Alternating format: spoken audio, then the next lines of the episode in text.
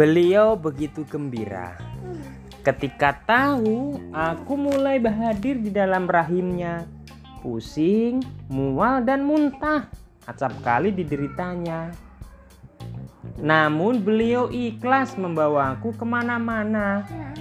Bayangkan hingga 9 bulan lamanya.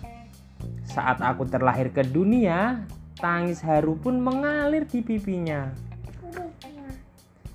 Beliau senantiasa merawatku, menemaniku, dan menyiapkan beragam kebutuhanku.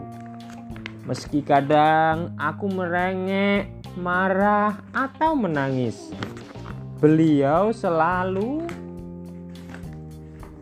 ada di sisiku.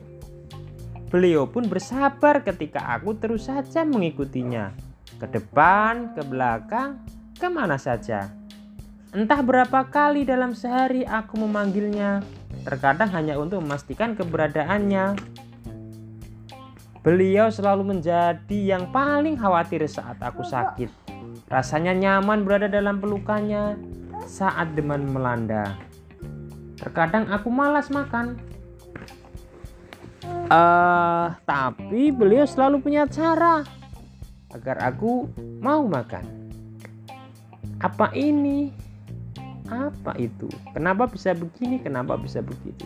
Tak henti mulutku bertanya apa saja meski lelah beliau berusaha menjawabnya. Aku pun diajarinya mengenal angka dan membaca. Ah nyaman ibu, ibu, aku sayang i, ibu.